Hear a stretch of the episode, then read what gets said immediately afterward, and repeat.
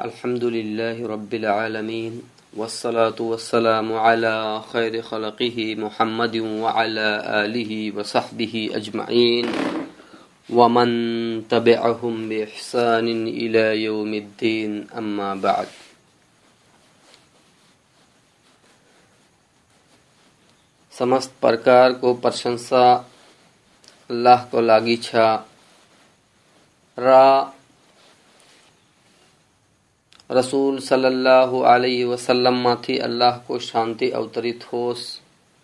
राती सबई हरू माथि जुन उहाँ सल्लल्लाहु अलैहि वसल्लम को पद्धति लाई। सत्य मानी र सही मानी त्यसै माथि आफ्नो जीवन व्यतीत गरे। र शान्ति होस्। रसूल सल्लल्लाहु अलैहि वसल्लम का साथीहरू घर परिवारहरू ताबइन र समस्त मुसलमानहरूमाथि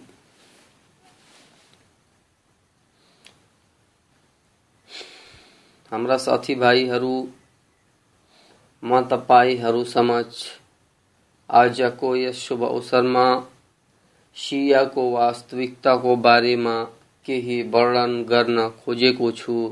अल्लाहसित बिन्ती छ।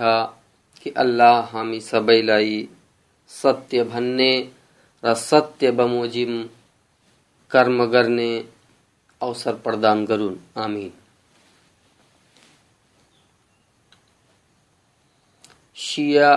को अर्थ के हो? पहिले यसलाई बुझ्नु। शिया, अशिया तसयु यी तिनवटै शब्दहरू एउटै शब्दबाट निष्कासित भएका छन्। र एउटै अर्थलाई दर्शाउँछन्। रसिया अरबी भाषाको शब्द हो, जसको शाब्दिक अर्थ हो सहायता गर्नु, अनुसरण गर्नु, र यस्तै यसको अर्थ ग्रुप पनि हुन्छ। तर सियहरू आफ्नो नाम सिय त राखेका छन्, तर उनीहरू यस नामका अधिकारी छैनन्। किनकि उनीहरूले न त आले बैत अर्थात् मोहम्मद सल्लल्लाहु अलैहि वसल्लमका घर परिवारको सहायता करे, न त उहाँ सल्लल्लाहु अलैहि वसल्लम को पद्धति में नहीं हिटे, न त उहाँ को अनुसरण नहीं गरे बरु कतिपय शियाले इब्ने सबा यहूदी को अनुसरण गरे त कतिपयले हज़रत अलीलाई पूज्य ठाने, त कतिपयले सहाबाहरूलाई काफिर भने र शब्द प्रशंसा को लागि न त कुरानमा प्रयोग गरिएको छ, न त हदिसमा बरु यो शब्द अपमानित र घृणित समूहहरूको लागि प्रयोग छ। जस्तो कि अल्लाहको फरमान छ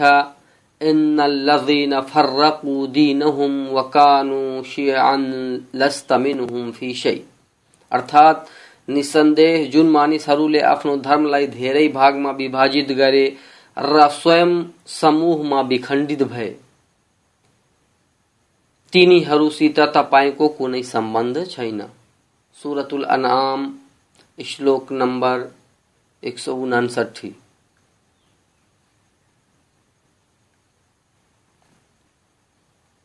र अर्को ठाउँमा अल्लाहको फरमान छ, वलकद अहलकना अशियाकुम फहल मिन मुद्दकिर।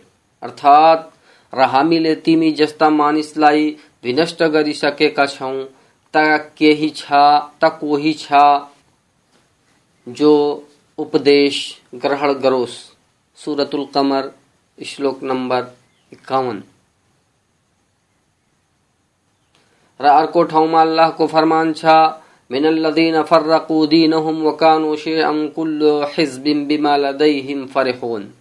अर्थात उनीहरू मध्येबाट जसले आफ्नो धर्मलाई टुक्रा टुक्रा गरिदिए र स्वयं पनि समूह समूहमा विभाजित भए प्रत्येक समूह आफूसँग भएको वस्तुमा प्रसन्न छ। सुरत रोम श्लोक नम्बर बत्तीस।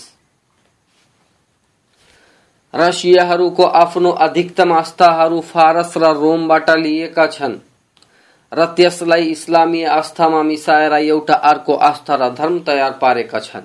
जसको सम्बन्ध इस्लामसित कदापि छैन, न त कुनै सरोकार छ। र यस कुराको पुष्टिकरणको लागि सियाहरूले नै लेखेका निम्न किताबहरूको अध्ययन गर्नुहोस् अल मकालात वल फेरक लिलकुम्मी पेज नंबर बीस। फिर कुशिया लिन्नो बख्ती, पेज नंबर बाईस। रेजाल कशी पेज नंबर एक सौ आठ।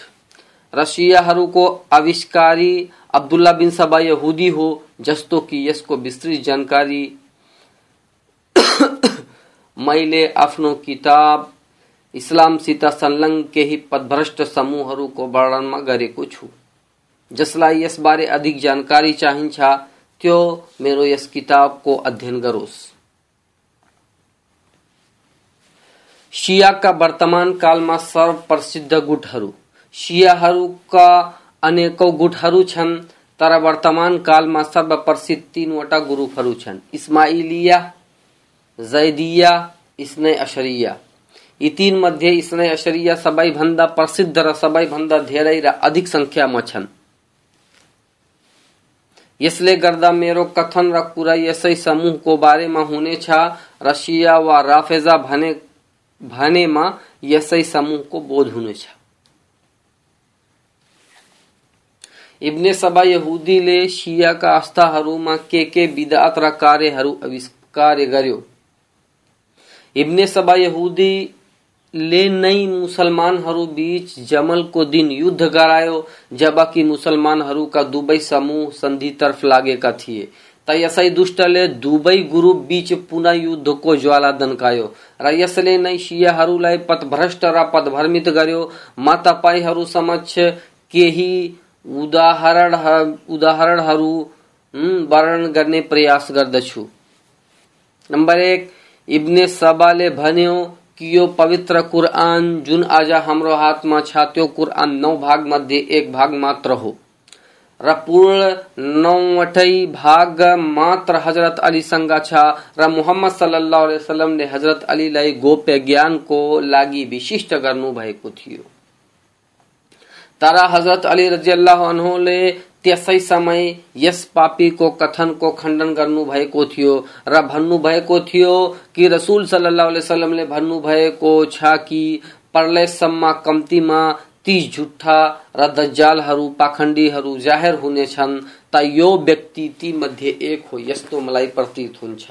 नम्बर दो इब्ने सबाले भन्यो कि हजरत अली रजियल्लाहु अन्हु नै पूज्य र ईश्वर हुन् अनि सियाहरूले यस पापीको यस कुरामा विश्वास गरेर हजरत अलीको ढोका निकट पुगेर भने के तपाईँ त्यही हुनुहुन्छ त हजरत अलीले सोधे तिनीहरूको कथनको तात्पर्य र अर्थ के हो त उनीहरूले भने कि तपाईँ नै ईश्वर र परम पूज्य हुनुहुन्छ अनि हजरत अली यो कुरो सुनेर क्रोधित भए र प्रयाश्चितको लागि उनीहरूलाई तीन दिनको मोहलत दिए, अनि उनीहरूलाई आगोद्वारा जलाएर मर्ने आदेश गरे किनकि उनीहरूले जघन्य अपराध गरेका थिए नम्बर तीन, अबु बकर र उमर योम उस्मान र हज़रत आइसालाई गाली गर्ने र उनीहरूलाई काफिर भन्ने कुराको आविष्कारी पनि अब्दुल्ला बिन सबा यहुदी नै हो। तर जब को समाचार हज़रत अलीलाई पुग्यो, त उहाँ क्रोधित भएर यो आदेश गरे कि यस कपटीलाई देश निकाला गरियोस्। अनि त्यसलाई मदाइन तर्फ जाने आदेश गरियो। अनि त्यो षड्यन्त्री मदाइन गएर त्यहाँ आफ्नो षड्यन्त्र फिजाउन थाल्यो। रेफरेन्सको लागि हेर्नुहोस् उसूलुल फेरक वल अदियान वल मजाहिबुल फिक्रिया लिशेख सफ़र बिन अब्दुलरहमान हवाली, पेज नंबर छत्तीस सैतीस।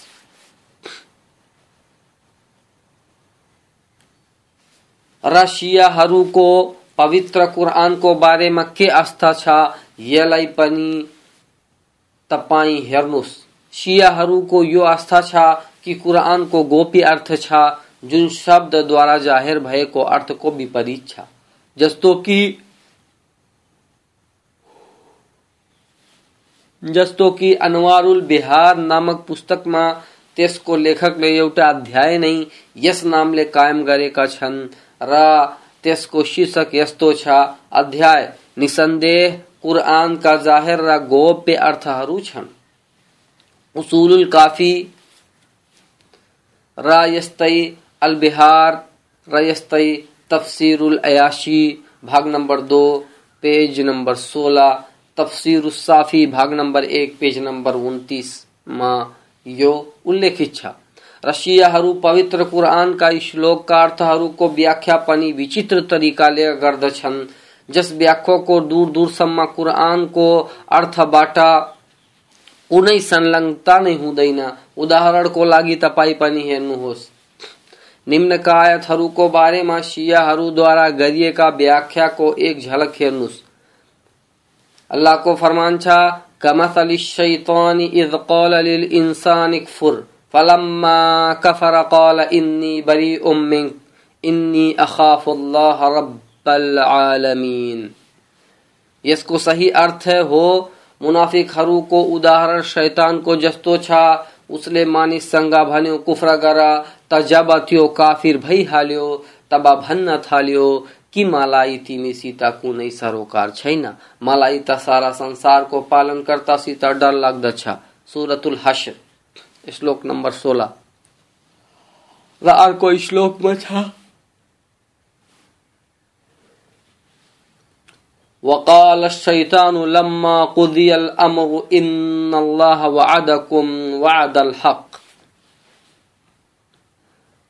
अर्थात र जब हिसाब किताबको फै, फैसला गरिदिनेछ तब शैतानले भन्नेछ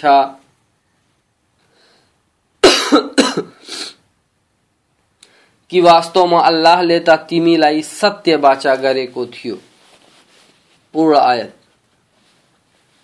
सूरत इब्राहिम, श्लोक नंबर 22 तरशिया विद्वान बिहारुल अनवारमा भनेका छन् कि उपरोक्त उपरोक्तका दुवै श्लोकहरूमा शैतानको अर्थ हो उमर बिन खत्ताब। रसूल सल्लल्लाहु अलैहि वसल्लम को दूसरो उत्तराधिकारी। हेर्नुस बिहारुल अनवार, भाग नंबर तीन, श्लोक भाग नंबर तीन, पेज नंबर तीन सौ अडतिस। तर यी मूर्खहरू यो पनि बिर्सिसकेका छन् कि हज़रत उमर बिन खत्ताब त्यो व्यक्ति हुन् जसलाई हेरेर शैतान आफ्नो बाटो नै परिवर्तित गरिहाल्थ्यो। र जुन व्यक्तिद्वारा अल्लाहले इस्लामलाई बलियो र सशक्त बनायो र तपाईँलाई थाहै होला कि इस्लामको आरम्भिक कालमा मुसलमानहरूको अवस्था अति दयनीय थियो। काफिरहरू मुसलमानहरूलाई नाना थरीका कष्ट दिन्थे र विभिन्न प्रकारले यातना दिन्थे तर जब हज़रत उमर रज़ी अल्लाह अनहोले इस्लाम कबूल करे, अल्लाह का रसूल सल्लल्लाहु अलैहि वसल्लम को त्यस याचना पश्चात, जसमा रसूल सल्लल्लाहु अलैहि अल्लाह अल्लाहसित यो याचना गरेका थिए कि हे अल्लाह मक्का का दुई मध्य कुनै एउटाद्वारा इस्लामलाई शक्ति प्रदान गर। त अल्लाहले आफ्नो प्रिय रसुलको याचनालाई स्वीकार गर्दै हज़रत उमरलाई यस कार्यको लागि रोज़े र हज़रत उमरको हृदयलाई इस्लामको लागि खोलिदिए र उहाँद्वारा मुसलमानहरूलाई बलशाली बनाए। त जब हज़रत उमरले इस्लाम कबुल गरे त भने, हे अल्लाहको रसुल, के हामी सत्य पथमा छैनौं? त रसुल सल्लाह वसल्लमले उत्तर दिनुभयो अवश्य हामी नै सत्य पथमा छौं त हज़रत उमरले भने यदि हामी सत्य पथमा छौं त के को डर र भने आउनुहोस् आज हामी अल्लाहको घर निकट मस्जिद हराममा नमाज़ पढौला अनि सबै मुसलमानहरू दुई पंक्तिमा पंक्तिबद्ध भई काबातर्फ हिँडे। यस्तो अवस्थामा कि एक पंक्तिको अगाडि हज़रत हमजा थिए र अर्को पंक्तिको अगाडि हज़रत उमर रज़ी अल्लाह अनहुम अजमाइन। त यो दृश्य हेरेर मक्काका काफिरहरू आश्चर्यचकित भए र मुसलमानहरूबाट भयभीत भए। यस्तो हुनुहुन्थ्यो हज़रत उमर रज़ी अल्लाह अनहु।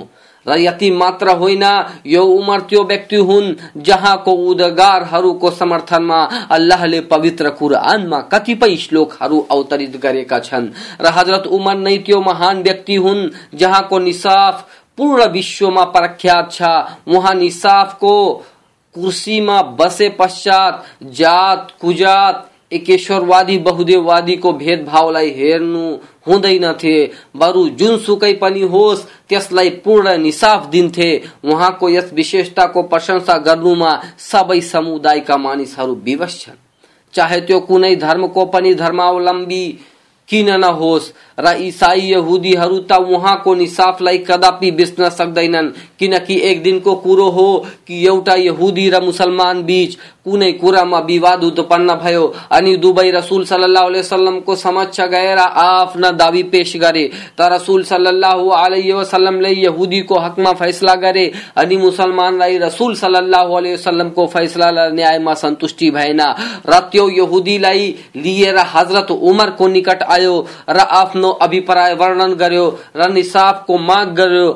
तर जब यहुदी मान्छेले भन्यो कि रसुल सल्लाह वसल्लमले यस बारेमा मेरो हकमा फैसला गरिसक्नु भएको छ त हजरत उमर त्यस मुसलमान माथि क्रोधित भए अनि भने म तिम्रो फैसला अवश्य गर्नेछु।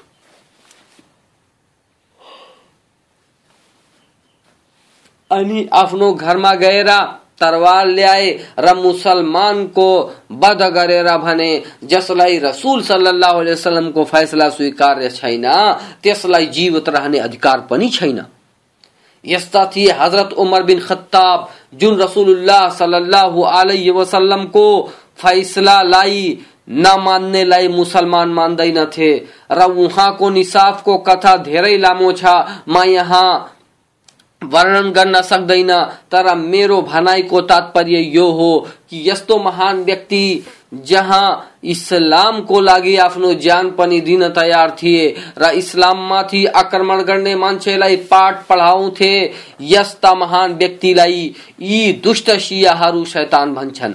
त आफै विचार गर्नुहोस् कि के यिनीहरू मुसलमान हुन सक्छन्?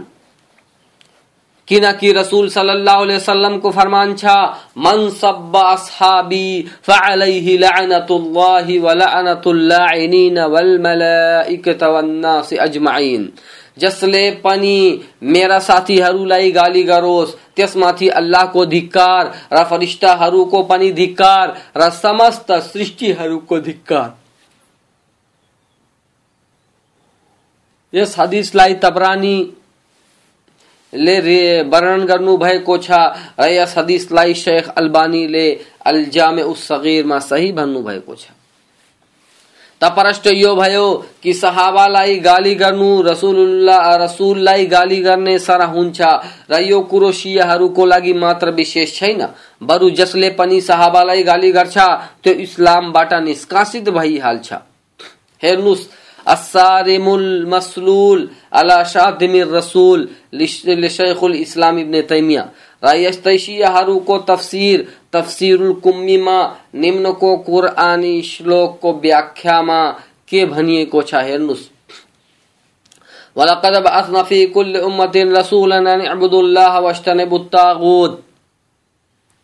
अर्थात हामीले हरेक समुदायमा पैगंबर पठायौं कि मानिसहरू अल्लाहकै पूजा गरून् र उस बाहेक अन्य समस्त पूज्यहरूलाई तागुतहरूलाई त्यागी हालुन्। पूर्ण आयत सूरतुन्नहल श्लोक नंबर 36 तफसीर कुम्मीमा तागुतको व्याख्यामा भनिएको छ कि तागुतको अर्थ हो उमर बिन खत्ताब। हेर्नुस् तफसीरुल कुम्मी, भाग दो, पेज नंबर 115 त यस श्लोकमा पनि सियाहरू हजरत उमरलाई शैतान नै भन्न खोजेका छन्। त आफै विचार गर्नुहोस् कि यिनीहरूको व्याख्या कति विचित्र छ। यिनीहरूको यस्तो व्याख्याको व्याख्याको श्लोकबाट कुनै तालमेल नै छैन। र यस्तै सियाहरू निम्नको सुरको व्याख्या कसरी गर्छन् हेर्नुहोस्।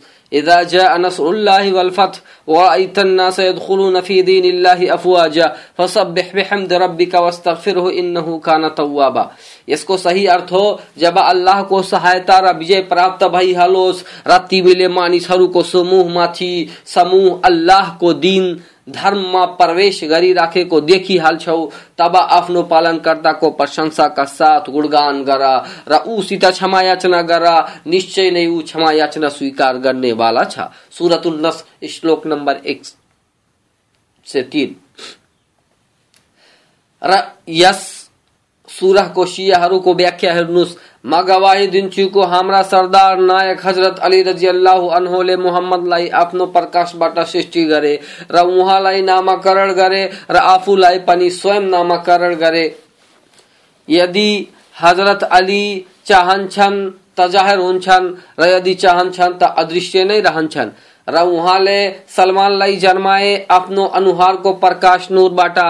रहा लाई यस्तो ढोका बनाए, जुन किताब लाई लिएर प्रचार प्रसार कर वहाँ नहीं सलसबील हुन रहा नहीं जाबिर र जिब्रिल हुन। वहाँ नहीं सत्य मार्ग हुन रहा नहीं समस्त जगत का पालन करता हुन्।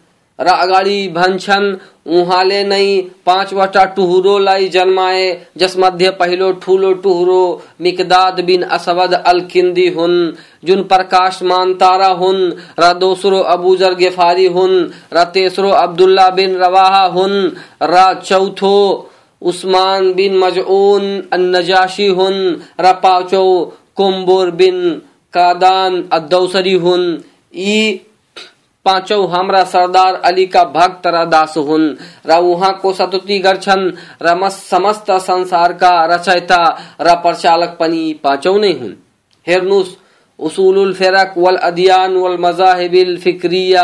लेखक शेख सफ़र बिन अब्दुलरहमान अल हवाली र अल हरकातुल बातिनिया फिल आलिमिल इस्लामी।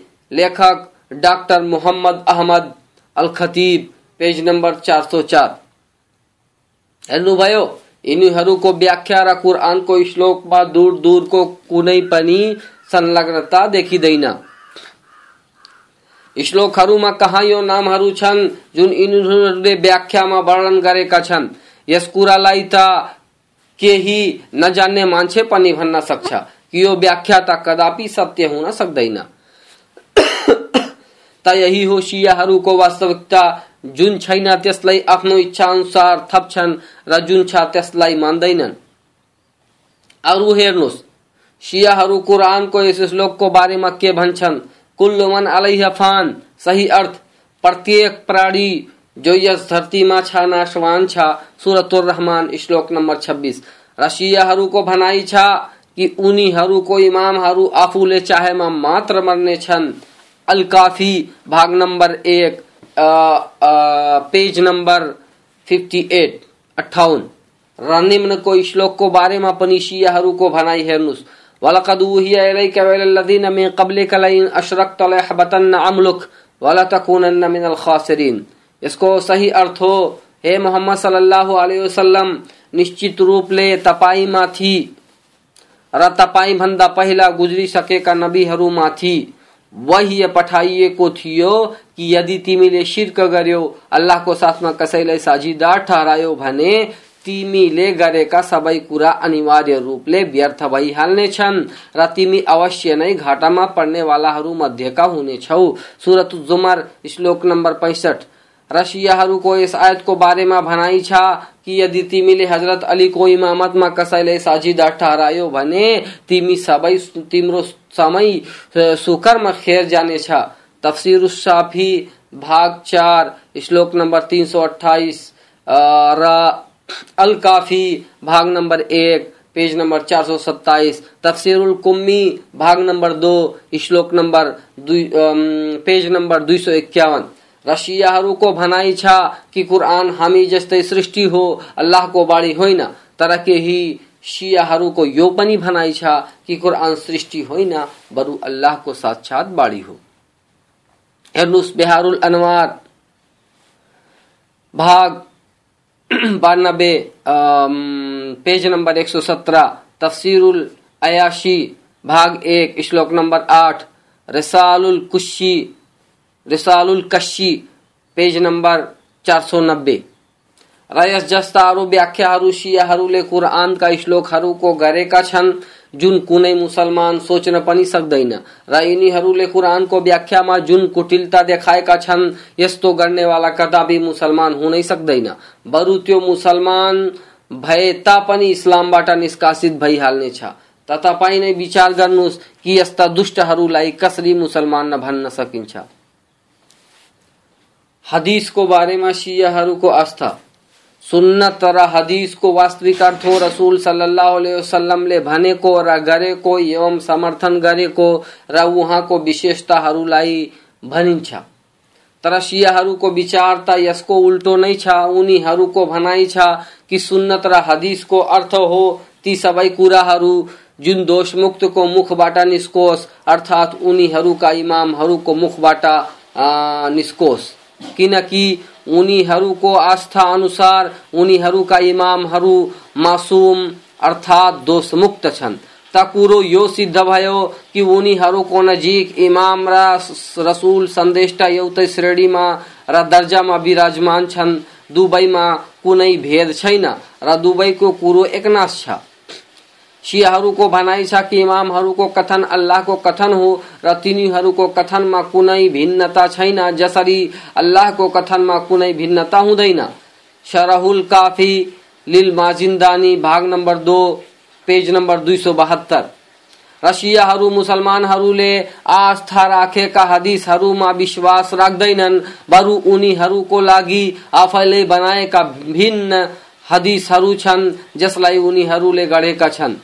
अल मजाहिब वल फेरकुल मुआसरा अस्सुलमी अल्लाह को पूजा मा एकेश्वरवाद को बारे में शियाहरू को आस्था शियाहरूले एकेश्वरवादका कुरआनी श्लोकहरूलाई आफ्ना इमामहरूको लागि विशेष गरेका छन् जस्तो कि निम्नको आयतको बारेमा उनीहरूको धारणा छ वलकद उहिया इलैका वइलल्लज़ीन मिन क़ब्लिका लइन अशरकत लयहबतन्न अमलुक वलतकुनन्न मिनल खासिरिन अर्थात निश्चित रूपले तपाईँमाथि र तपाईँ भन्दा पहिला गुज्रिसकेका नबीहरूमाथि वही पठाइएको थियो कि यदि तिमीले शिर्क गर्यो, अर्थात् अल्लाहको साथमा कसैले साझीदार ठहरायो भने तिमीले गरेका सबै कुरा अनिवार्य रूपले व्यर्थ भइहाल्नेछन् र तिमी अवश्य नै घाटामा पर्नेवालाहरू मध्येका हुनेछौ सुरत जुमर, श्लोक नम्बर पैसठ।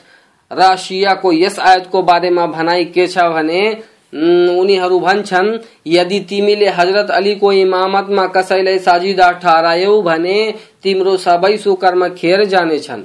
साफी, भाग चार, पेज नंबर तीन सौ अट्ठाईस अलकाफी भाग एक, पेज नंबर चार सौ सत्ताईस तफसीरुल कम्मी कुम्मी भाग दो पेज नंबर दुई सौ इक्यावन।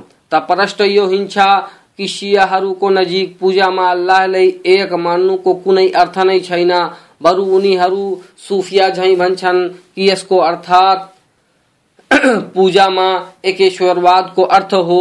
अल्लाहलाई पालनकर्ता हुनुमा एक मान्नु स्रष्टा हुनुमा एक मान्नु आदि। तर यो एकेश्वरवादको दोस्रो किसिमको अर्थ हो, जसलाई अरबीमा तौहिद रुबुबियत भनिन्छ। अर्थात् अल्लाहलाई त्यसको कार्यहरूमा एक मान्नु। अल मजाहिब वल फेरकुल मुआसिरा ले अब्दुल रहीम असलमी त प्रश्न यो भयो को शियाहरू अल्लाहको पूजाको साथ इमाम वा कुनै अर्काको पूजालाई कुनै निषेधित कुरा मान्दैनन्। र न त त्यसलाई अवैधानिक मान्छन्। बरु यस कुरालाई जायज़ ठान्दछन् र यो इस्लाम विरोधी कुरा हो। यसै बहुदेववाद र शिर्कलाई मेटाउनको लागि अन्तिम सन्देशटा मोहम्मद सल्लाह वसल्लम आउनु भएको थियो। र जुन तौहिद रुबुबियतलाई यिनीहरू मान्छन्, त्यसलाई त नास्तिकहरू बाहेक समस्त धर्मावलम्बीहरू मान्छन्। र मक्काका काफिरहरू पनि यस तौहिदलाई मान्थे, तर विवाद मात्र तौहिद उलुहियत अर्थात् पूजाको ईश्वरवादमा नै थियो। तर जब उनीहरूले तौहिद रुबुबियतलाई स्वीकार गरेका थिए तैपनि उनीहरूलाई अल्लाहले काफिर भनेको छ भने यिनीहरू मुसलमान कसरी हुन सक्छन् आफै विचार गर्नुहोस्। इमामहरूको बारेमा, शियाहरूको आस्था। शियाहरूको यो आस्था छ कि इमामहरू अदृश्यका कुराहरू जान्दछन्। र सबै इमामहरू दोषमुक्त छन् र यो आस्था पनि छ कि इमामहरूको कथन अल्लाहको कथन हो र यो आस्था पनि छ कि इमामहरूलाई अल्लाहले आफ्नो नूरले प्रकाशले आविष्कार गरेको छ। र जब अल्लाहले आफ्नो धर्म इस्लामलाई मोहम्मदमाथि अवतरित गर्यो त उहाँले केही निर्देशन त सबैलाई बताए तर अधिकतम निर्देशनहरू मात्र हजरत अलीको लागि विशेष गरे र मात्र अलीलाई नै बताए। हेर्नुहोस्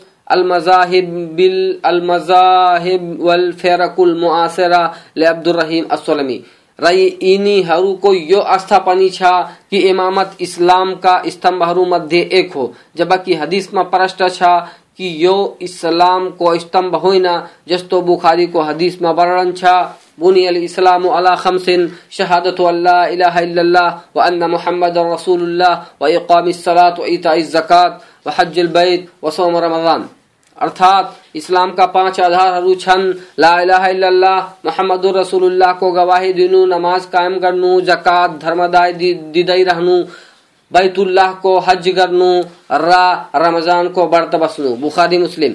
र यो यति प्रसिद्ध हदीस छ कि सबै मान्छेहरूलाई यसबारे केही न केही त ज्ञान हुँदै ज्ञान नै हुन्छ। तर यी मूर्खहरू यस हदिसलाई बेवास्ता गरी इमामतलाई इस्लामको आधार भन्छन्। र यति मात्र होइन, बरु यिनीहरूको यो आस्था पनि छ कि इमामत नै सबैभन्दा श्रेष्ठ आधार हो। र इमाम मात्र हुसैन को हुसैनको सन्तान मध्येको नै हुन्छ, कोही अरू इमाम हुन सक्दैन। जबकि सत्य कुरो यो हो कि इमाम कोही पनि बन्न सक्छ, यसको लागि हुसैनको सन्तति मध्येको हुनु जरुरी छैन। र इमामत इस्लाम को आधार होइन, बरु देशलाई संचालित गर्ने पद हो, जुन मान्छे पनि यस कार्यलाई गर्नुमा सूक्ष्म हुन्छ, त्यो इमाम बन्न सक्छ, किनकि इमामको अर्थ हो अगुवा, सरदार, नायक आदि।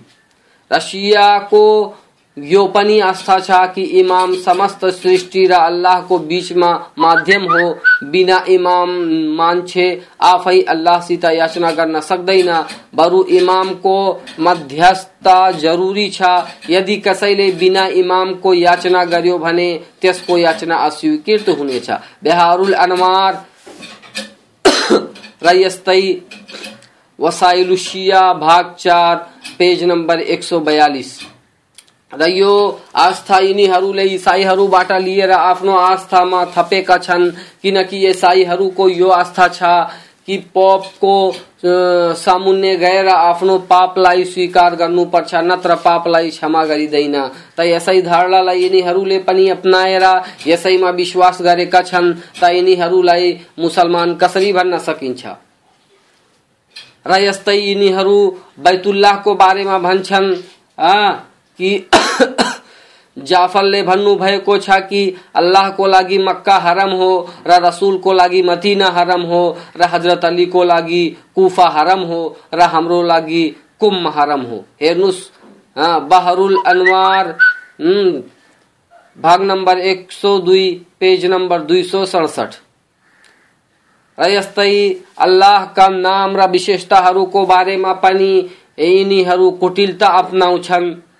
जस्तो कि अल्लाह को फरमान छा फातरुस्समावाति वल अर्दि वजअल लकुम मिन अनफुसिकुम अज़वाजा। अल आया, ऊ आकाश हरूरा धरती को सृष्टा हो उसले तिम्रो निम्ति तिम्रै साजातीबाट जोडी बनायो, रोचो पाया हरू को जोडी पनि। यस्तै तरिकाले तिमीलाई यहाँ फैलाइरहेको छ, ऊ जस्तो कुनै कुरा छैन र ऊ सुन्दछ र जान्दछ सुरत श्लोक नम्बर ग्यारह र अर्को ठाउँमा अल्लाहको भनाइ छ, वलिल्लाहिल अस्माउल हुस्ना फदउहु बिहा वदरुल लदीन युलहिदुन फ़ी मा कानु र नाम अल्लाहकै लागि हुन्। यसर्थ ती नै उसलाई पुकार। र, यस्ता मानिससित सम्बन्ध पनि नराख जो उसको नामको सम्बन्धमा कुटिलता गर्छन् यिनीहरू यसका निम्ति अवश्य नै दण्ड पाउनेछन् सुरतुल आराफ, श्लोक नम्बर एक सौ अस्सी। तदुवै श्लोकबाट यो प्रष्ट हुन्छ कि अल्लाहका लागि नाम र विशेषता त छन् तर त्यस जस्ता कोही पनि छैन।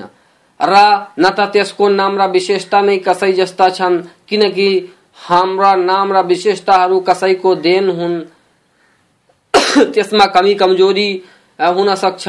यस कुरालाई उदाहरणले बुझ्नु जसरी म दानी छु अथवा शक्तिशाली छु तर म सबै कुरामा शक्तिशाली छैन। केही गर्न सक्छु त केही गर्नुमा म शक्तिमान छैन। तर हाम्रो पालनकर्ता समस्त कुरामा सूक्ष्म र शक्तिमान छ, सबै गर्न सक्छ, त त्यसको यो विशेषता पूर्ण छ, र त्यो यस विशेषतामा निपुण छ। तर म निपुण छैन किनकि म सबै कुरा गर्नुमा समर्थ्यवान छैन। त अब दुवैको विशेषता एकनाश कसरी हुन सक्छ? आफै विचार गर्नुहोस्। र कुरो बाँकी रह्यो। अल्लाहका विशेषताको इन्कारको त हामी त्यस कुराको कसरी इन्कार गर्न सक्छौ जुन अल्लाहले आफ्नो लागि आफै वर्णन गरेका छन् जसरी उपरोक्तका श्लोकहरूबाट सिद्ध भइसकेको छ। यसै कारण आलु सुन्नावल जमाको यो आस्था छ। अर्थात् समस्त सुमार्गी मुसलमानको यो आस्था छ कि अल्लाहका राम्रा राम्रा नाम र विशेषताहरू छन् तर कुनै सृष्टिको नाम र विशेषता झैँ छैनन् बरु भिन्न छन्। र शियाहरूको बारेमा इमाम राज़ी को भनाई छा कि अल्लाह सृष्टि जस्तो भन्ने कुरा शियाहरूले आरंभ गरेका हुन्। र मध्ये सर्वप्रथम हिसाम बिन हकम हिसाम बिन सालिम अल जवालकी यूनुस बिन अब्दुल रहमान अल कुम्मी र अबू जाफ़र अल अहवल हुन्। रशेखुल इस्लाम ने तैमिया को भनाई छा कि इस्लाममा सर्वप्रथम जसले यो भन्यो कि अल्लाह शरीर हो त्यो मान्छे हो हिसाम इब्नुल हकम। हेर्नुस् मिनहाजुस सुन्ना भाग एक, पेज नम्बर बिस। रसियाहरूको यो पनि आस्था छ कि इमामहरू नै अल्लाहका नाम हुन्। हेर्नुस् उसुलुल काफ़ी, भाग एक, पेज नम्बर एक सौ तिरालिस। फरिस्ताहरूको बारेमा सियाहरूको आस्था छ कि फरिस्ताहरू स्वर्गदूतहरू हज़रत अली का नूरले सृष्टि गरिएका हुन्। यिनीहरूको भनाइ छ कि अल्लाहले हज़रत अलीको अनुहारको प्रकाशबाट सत्तरी हज़ार फरिस्ताहरूलाई सृष्टि गरो हेर्नुहोस् बिहारुल अनवार, भाग नम्बर उन्तिस, पेज नम्बर तीन सौ बिस। र यिनीहरूको यो आस्था पनि छ कि ती फरिस्ताहरू जुन कुनै कार्य गर्दैनन्, तिनीहरू हुसैनको चिहानमा बसी रोइरहन्छन्। हेर्नुहोस् बस, वसाइल शिया भाग दस, पेज नंबर तीन सौ अठारह र हेर्नुहोस् कंज जामे उल फवायद, पेज नंबर तीन सौ चौतीस। आकस्मिक ग्रन्थहरूको बारेमा शियाहरूको आस्था। मैले पहिला नै यो वर्णन गरिसकेको छु कि यिनीहरू भन्छन् कि पवित्र कुरआन जुन अझ मुसलमानहरूको हातमा छ, त्यो पूर्ण छैन। बरु पूर्ण कुरआन त मुसाफ फातिमा हो, जुन हज़रत अलीसँग थियो। र जसलाई लिएर यिनीहरूको बाह्रौं इमाम सामरा नामक स्थानको सरदाबमा अदृश्य भयो। र अहिले कसैसित पूर्ण कुरान छैन। र यसबाहेक यिनीहरूको यो पनि आस्था छ कि अल्लाहले बाह्रवटा सहिफाहरू अवतरित गरेको छ, जसमा यिनीहरूका बाह्रवटै इमामहरूको विशेषता र श्रेष्ठहरूको वर्णन छ। यो कथन कमालुद्दीन कुम्मीको हो। र काफीको लेखकले भनेका छ भनेको छ कि इमामहरूको पास समस्त आकस्मिक ग्रन्थहरू छन्, र उनीहरूलाई समस्त ग्रन्थहरूको ज्ञान पनि छ, चाहे त्यो ग्रन्थ जुनसुकै भाषामा पनि होस्। हेर्नुहोस् अल काफ़ी, भाग नम्बर एक, श्लोक नम्बर दुई सौ पेज नम्बर दुई सौ छब्बिस सन्देष्टाहरूको बारेमा सियाहरूको आस्था छ कि यिनीहरूका इमामहरू सन्देष्टाहरू भन्दा श्रेष्ठ छन्। यसै कारण यिनीहरूको बारेमा काजी अयाज रहमुल्ला भनेका थिए कि जसले पनि इमामलाई सन्देष्टाहरूमाथि उत्कृष्ट उत्कृष्ट दिन्छ, त्यसलाई काफिर भन्नुमा कुनै दोष छैन। रसियाहरूको पुस्तक बिहारुल अनवारमा वर्णन छ कि इमामहरू समस्त सन्देष्टाहरू र समस्त सृष्टिहरू भन्दा श्रेष्ठ छन्। हेर्नुहोस्, बिहारुल अनवार, भाग नम्बर छब्बिस पेज नम्बर दुई सौ सडसठ। र यिनीहरूको यो आस्था पनि छ कि अल्लाहले इमामहरूलाई यस्ता यस्ता विचित चमत्कार प्रदान गरेको छ, जुन कुनै सन्देष्टालाई प्रदान गरिएन हेर्नुहोस् उसूलुल काफ़ी भाग एक पेज नम्बर एक सौ छियानब्बे रसियाहरू हज़रत अलीलाई रसुल सल्लाह वसल्लम भन्दा श्रेष्ठ भन्छन् र यो कुराको आविष्कारी हो उल्बा बिन दिरा जसले सर्वप्रथम यो कुरा भन्यो। र यो व्यक्ति सियाहरूको ठूलो विद्वानहरू मध्ये एक हो। हेर्नुहोस् बिहारुल अनवार, भाग पच्चिस, पेज नम्बर एक सौ छियानब्बे भाग्य र प्रलयको दिनको बारेमा सियाहरूको आस्था छ कि प्रलयको बारेमा इमामहरूलाई नै राम्ररी थाहा छ र उनीहरू नै त्यस दिन कर्ता धर्ता हुनेछन् अर्थात् त्यस दिन उनीहरूको नै हुकुम लागू हुनेछ, जसलाई चाहन्छन् स्वर्गमा प्रवेश गराउँछन् र जसलाई चाहन्छन् नर्कमा हाल्छन् हेर्नुहोस् अल काफ़ी भाग एक पेज नम्बर चार सौ नौ। ऋषियाहरूको यो आस्था पनि छ कि चिहानमा जुन प्रश्न सर्वप्रथम मान्छेसित गरिन्छ, त्यो इमामहरूको बारेमा हुनेछ। हेर्नुहोस् बिहारुल अनवार, भाग सत्ताइस, पेज नम्बर सेभेन्टी नाइन। र सियाहरूको यो धारणा पनि छ कि सियाहरू समस्त सृष्टिहरूभन्दा पहिला स्वर्गमा प्रवेश गर्नेछन् वसाइल सिया भाग दस पेज नम्बर तीन सौ एकतिस। शियाहरूको बाह्रवटै इमामहरूको एक झलक। शियाहरू बाह्र इमामहरूलाई मान्दछन् र सबैलाई दोषमुक्त भन्दछन् र उनीहरूलाई समस्त नबीहरूमाथि श्रेष्ठ भन्दछन् र कतिपय शियाहरू त उनीहरूलाई पूज्य नै मान्छन्। जुन जघन्य अपराध हो शियाहरूका बाह्रवटै इमामलाई हेर्नुहोस् पहिलो इमाम, अमीरुल मोमिनीन, हज़रत अली रज़ी अल्लाह अनहु, रसूल सल्लल्लाहु अलैहि को चौथो उत्तराधिकारी। हेर्नुहोस् अजवा अला अकाइद शिया शेख जाफ़र सिजिस्तानी, पेज नंबर 113 दूसरो इमाम, अबू मोहम्मद अल हसन बिन अली अल मुश्तबा रज़ी अल्लाह वहाँ को जन्म दुई वा तीन हिजरीमा, मदीना नगरमा भएको थियो र उहाँ रसूल सल्लल्लाहु अलैहि की छोरी फातिमा को पहिलो सन्तान हुन्। तेस्रो इमाम, अबू अब्दुल्ला अल हुसैन बिन अली रजियल्लाहु अन्हुमा, उहाँको जन्म पनि मदीना नगरमा तीन वा चार हिजरीमा भएको थियो र यिनैलाई करबलामा शहीद गरिएको थियो।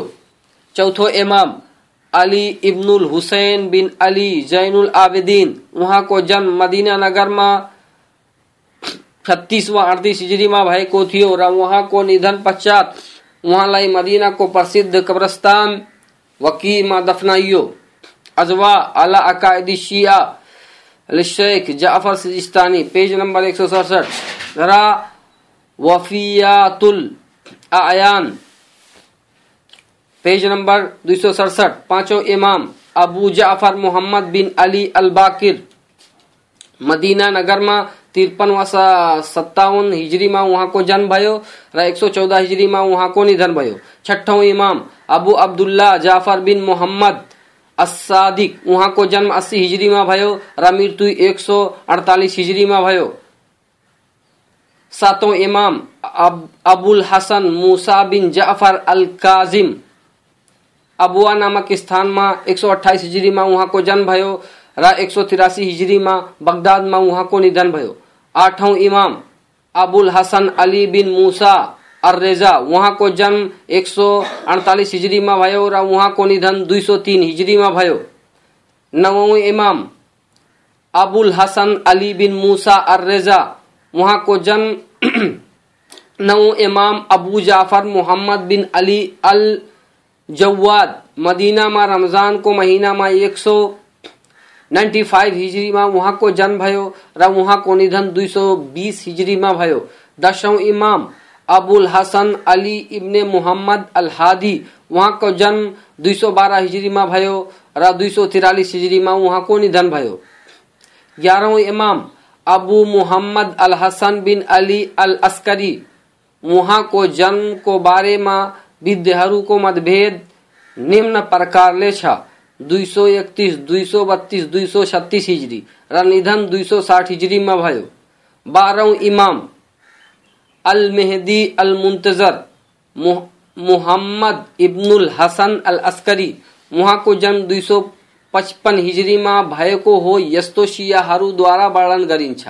हेर्नुहोस् अजवा अल अकायदी शिया शेख जाफ़र सिजिस्तानी पेज नंबर दुई सौ अठारह तर मुसलमान विद्धहरूलाई यस मान्छेको बारेमा सन्देह छ र यो नै त्यो इमाम हुन् जसको प्रतीक्षा शियाहरू गरिराखेका छन् र भन्छन् कि सरदाबमा उनी अदृश्य भएका छन् र प्रलय अघि फेरि आउनेछन् र मुसलमानहरूलाई मार्नेछन् आदि यस में शेख सफ़र हवाली को भनाई छ कि यिनीहरूको ग्यारौं इमाम अल हसन अस्करीको जब मृत्यु भयो र उहाँले कुनै सन्तान आफ्नो पछाडि छाडेनन् त शियाहरू अति चिन्तित भए। अनि यो भन्न थाले कि हसन अस्करीको एउटा छोरो थियो, जसको नाम मुहम्मद थियो, र त्यो बाल्यकालमा नै सरदाबमा अदृश्य भएछ र फेरि आउनेछ हेर्नुहोस् उसूल फेरक वल अदियान वल मजाहिबिल फिक्री शेख सफ़र हवाली पेज नम्बर छिहत्तर। साहबाहरूको बारेमा, शियाहरूको आस्था छ। उनीहरू सहाबालाई गाली गर्छन् र उनीहरूलाई काफिर भन्छन् र केही सहाबा बाहेक सबैलाई इस्लामबाट निष्कासित भन्छन् र हज़रत अबु बकर र हज़रत उमरलाई शैतान भन्छन् र यसै जस्ता अरू उपाधिहरूबाट सम्बोधित गर्छन्। र उम्मुल मोमिनिन रसूल सल्लल्लाहु अलैहि वसल्लम की प्रिय स्वास्नी हज़रत आइशालाई चरित्रहीन भनेर गाली गर्छन्।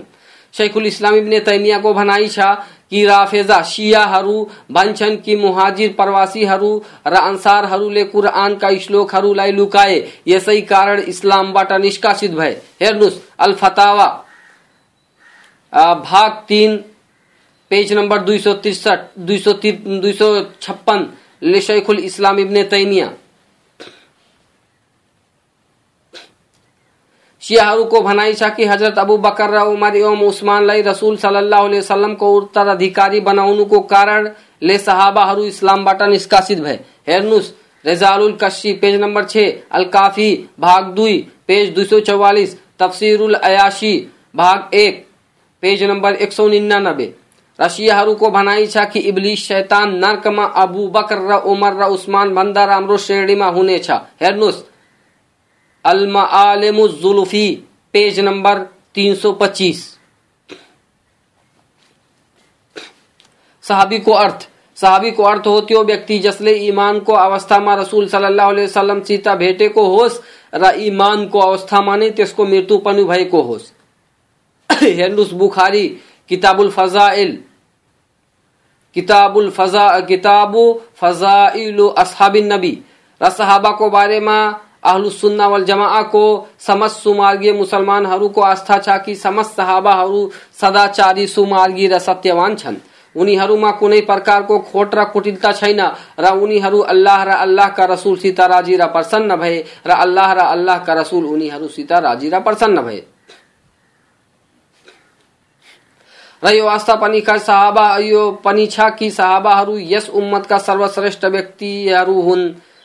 र उनीहरूले दान गरेका एक मुठकी पनि उनीहरू पश्चातका मान्छेहरूको उहुद पर्वत बराबर गरेको दानभन्दा अधिक ठहर हुनेछ। रसुल सल्लमको भनाइ छ ला त सुब्बु असहाबी नफसी बियदिही लौ अन्ना हदकुम अनफका मिथला उहुदिन बुखारी मेरो साथीहरूलाई गाली त्यस जातको जसको हातमा मेरो ज्यान छ यदि तिमी मध्ये कोही उहुद पहाड बराबर सुन खर्च गर्छ तैपनि मेरो साथीहरूको एक मुठकी, एवं आधा मुठकीलाई पनि पुग्न सक्दैन बुखारी। र उहाँहरूको बारेमा अल्लाहको हदिसे कुसीमा भनाइ छ फकत रवाहुल बुखारी। मैले तिमीहरूलाई क्षमा गरे, तिमीहरू जे चाहे गर। बुखारीले यसलाई वर्णन गर्नु भएको छ अल अकीदतुल वासितिया यसलाई हेर्न सक्नुहुन्छ। अल अकीदतुल वासितियामा जसलाई शेखुल इस्लाम इब्ने तैमियाले लेख्नु भएको छ।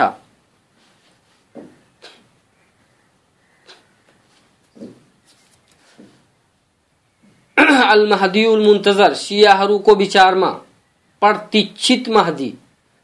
मुसलमानहरू जस महदीको प्रतीक्षा गरिरहेका छन्, त्यसको बारेमा रसुल सल्लाह वसल्लमले पूर्णता प्रष्ट पारिदिनु भएको छ। कि उहाँ प्रलय नजिक आउनेछन् र यस कुरामा समस्त मुसलमानहरूको एकमत छ। तर सियाहरूको आस्था के छ भने उनीहरूको भनाइ छ कि उनीहरूको बारह इमाम नै मेहदी हो। जुन अहिले त अदृश्य छ, तर केही समयपछि अवश्य प्रकट हुनेछ। तहे भाइ शियाहरू मुसलमान होइनन्।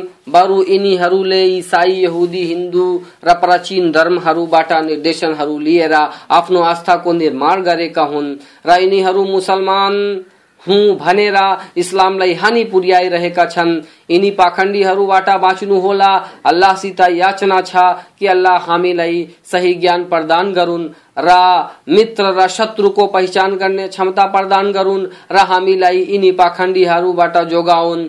र इस्लाममाथि सुदृढ रहने शक्ति प्रदान गरून् आमीन। अन्तमा अल्लाहसित प्रार्थना छ कि अल्लाह हामी सबैलाई धर्म इस्लामलाई पूर्ण रूपले स्वीकार गर्ने सौभाग्य प्रदान गरून् र त्यसका समस्त निर्देशनहरूलाई अपनाई, त्यसबाट लाभान्वित हुने। सो अवसर प्रदान गरून्, र हाम्रा माल संपत्ति र सन्तानमा वृद्धि गरून्, र हाम्रा सन्तान दाजुभाइ र दिदी बहिनीहरूलाई सन्तान प्रदान गरी, उहाँहरूको मुटुलाई शीतल पारुन्, र हामी सबैलाई सियाको वास्तविकताबाट अवगत गरून्, र हामीहरूलाई योग, त्यो ज्ञान प्रदान गरून्, जसबाट हामी शत्रु र मित्रमा विभाजन गर्न सकौं।